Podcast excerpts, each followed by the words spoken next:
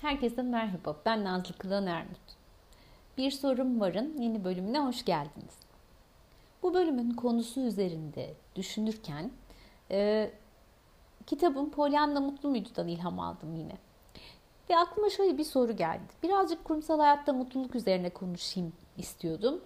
Birden şunu düşündüm. Acaba Pollyanna büyümüş ve yetişkin bir kadın haline gelmiş olsaydı ve bir şirketin genel müdürü olsaydı acaba o şirketin kültürüne neler taşırdı? O şirketin kültürüne neler yerleştirirdi? Şimdi ben kitabı e, yazma kararı verdiğimde şuradan yola çıkmıştım. E, o kitabı yazmamdan belli bir zaman önce başlamıştı pozitif psikoloji ve mutlulukla ilgili okumalarım, çalışmalarım ve birçok yerde karşıma polyanlacılık kavramı çıkıyordu. Polyanlacılık kavramının da okudukça biraz üzülüyordum açıkçası. Çünkü polyanlacılık bir şeyleri yok sayan, pembe gözlükler takan, hayatın aksaklıklarının farkında olmayan e, bir bakış açısını tarif ediyordu. Oysa polyanla acaba böyle bir çocuk karakter miydi? Bir şeyleri yok sayan, e, komikleşircesine e, aksaklıkları yok sayan bir çocuk muydu Pollyanna? Neden okumuştum kitabı yazmadan evvel Pollyanna'yı? E, bu kez pozitif psikolojiyle ilgili bilgilerimle, e, oradaki yaklaşımlarla birlikte okumuştum ve onun üzerine de aslında kitabı yazmaya daha çok karar vermiştim.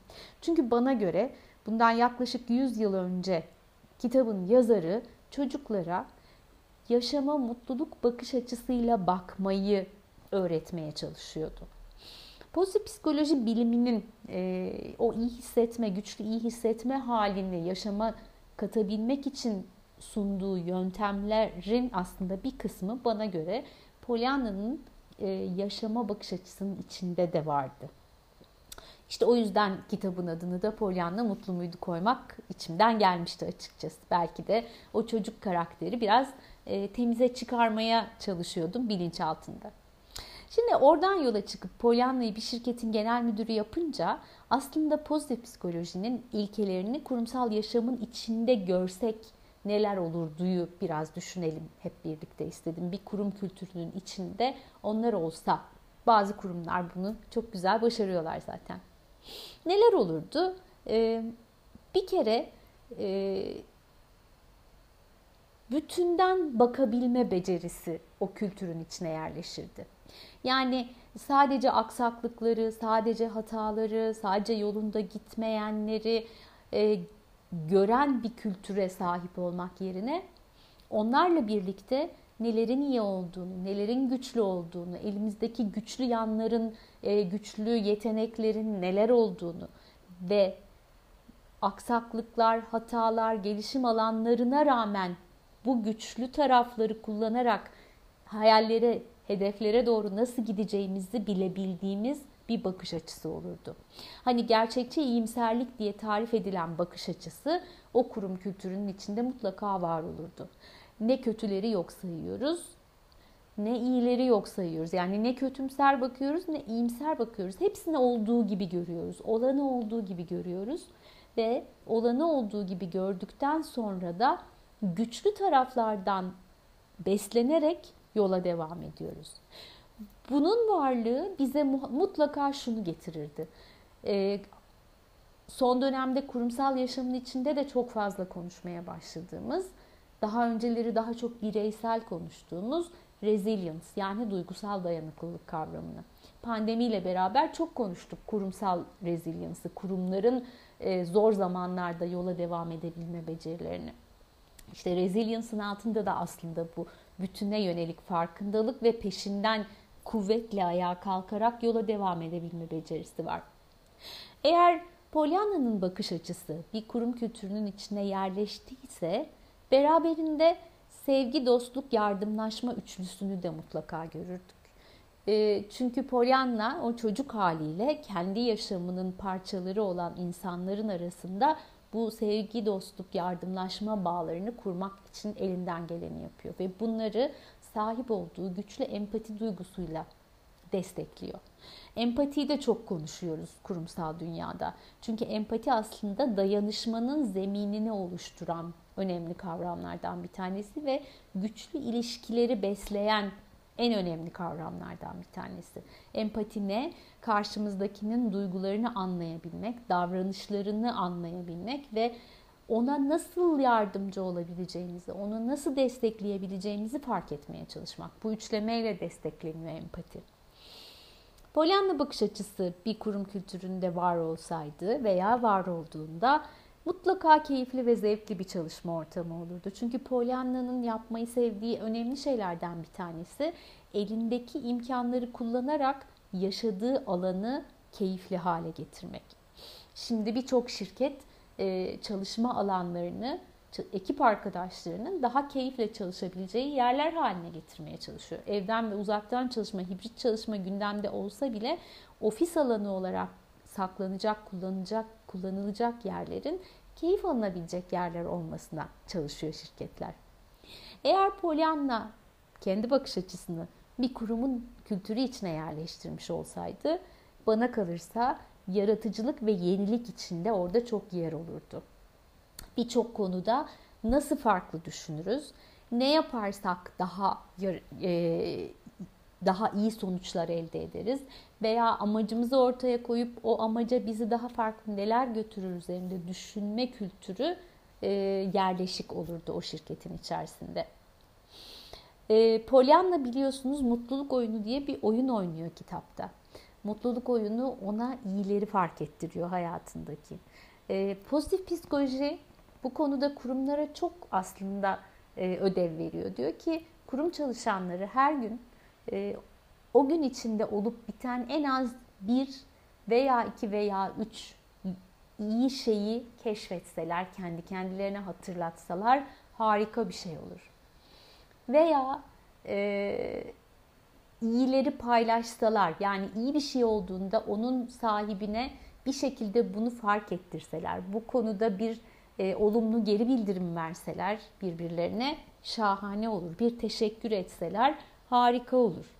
E, işte Pollyanna'nın bakış açısının kurum kültürünün içine yerleştiği durumlarda mutluluk oyunu kendine bir kurumsal isim bularak kurumun kültürünün içine mutlaka yerleşirdi diye düşünüyorum. Şimdi bütün bu söylediklerimin içinden, bütün başından beri konuştuğumuz bu yaklaşık 7-8 dakikalık konuşmanın içinden Pollyanna kelimelerini dışarıya çıkartıp onun dışında kalan cümlelere, kelimelere bakarsanız aslında kendini iyi hisseden kurumlar yaratmanın, çalışan bağlılığının yüksek olduğu, daha doğrusu çalışan mutluluğunun yüksek olduğu kurumlar yaratmanın e, anlatıldığı birçok makalede, birçok e, örnek olayda okuduğunuz şeylerle karşı karşıya kalacaksınız.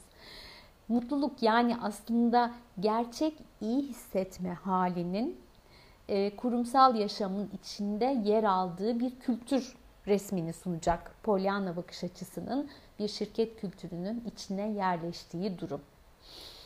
E, aslında çok basit şeylerden söz ediyoruz. E, bir mutluluk oyununu kurumsal dile tercüme edip kurumun içinde iyi şeyleri fark etme, birbirimizi görme becerisinden bahsediyoruz. Dostluk, sevgi temelleri üzerine kurulmuş güçlü bir yardımlaşma becerisinden söz ediyoruz. Birbirimize yardım etme, birbirimize destek olma, birlikte üstesinden gelme becerisinden söz ediyoruz. Gerçekçi iyimser bakış açısının kurum kültürüne entegre edilmesinden bahsediyoruz. Ne kötümser olalım ve yolunda gidenleri yok sayalım, ne iyimser olalım ve aksaklıkları yok sayalım, riskleri yok sayalım. Aksine hepsini bir arada görüp yolunda giden ve güçlü olduklarımızdan kuvvet alıp ileri gitme üzerine kafa yoralım. Keyifli ve zevkli bir çalışma ortamı yaratmak, eğlenmek, birbirimizin hikayelerinden, şirketimizin hikayelerinden beslenmek için kendimize alanlar yaratalım.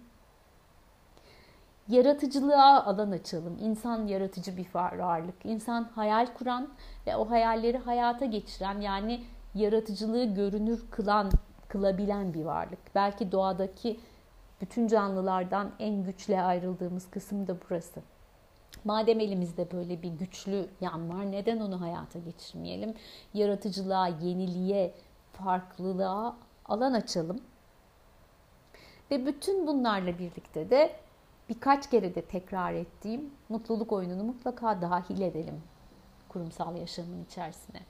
Mutluluk kelimesi kurumsal yaşamın içinde komik, ayıp, saçma, verimsiz, karlılıkla, gelişimle, üretkenlikle alakasız bir kavram gibi geliyor bazen. Öyle yanlış duyuyoruz. Oysa ki mutluluk gerçekten ayaklarını kuvvetle yere basıp yönümüzü geleceğe dönüp yapmak istediklerimize sahip çıktığımızda içimizde hissettiğimiz o güçlü e, his. Neden olmasın iş hayatının içinde? Neden mutluluğu ve iş hayatını ayrı düşünelim? Onlar ikisi de ayrılmaz bir bütün olduğunda iş hayatı da daha keyifli, daha zevkli ve daha e, yaratıcı, üretici bir yere dönüşüyor. O yüzden belki kendi kurumlarımızın içinde kendi mutluluk oyunlarımızı da yaratıp onları uygulamaya da alabiliriz. Evet bu bölümde Pollyanna bir şirketin genel müdürü olsaydı acaba o şirketin kültürü nasıl olurdu diye sorduk. Ee, ve birazcık e, onun üzerinde düşündük. Hem Pollyanna'dan yola çıktık. Aslında sonra Pollyanna'ları içinden çıkartıp yalın haliyle baktık konuştuklarımıza. Belki herkes bunun üzerinde biraz düşünmek ister.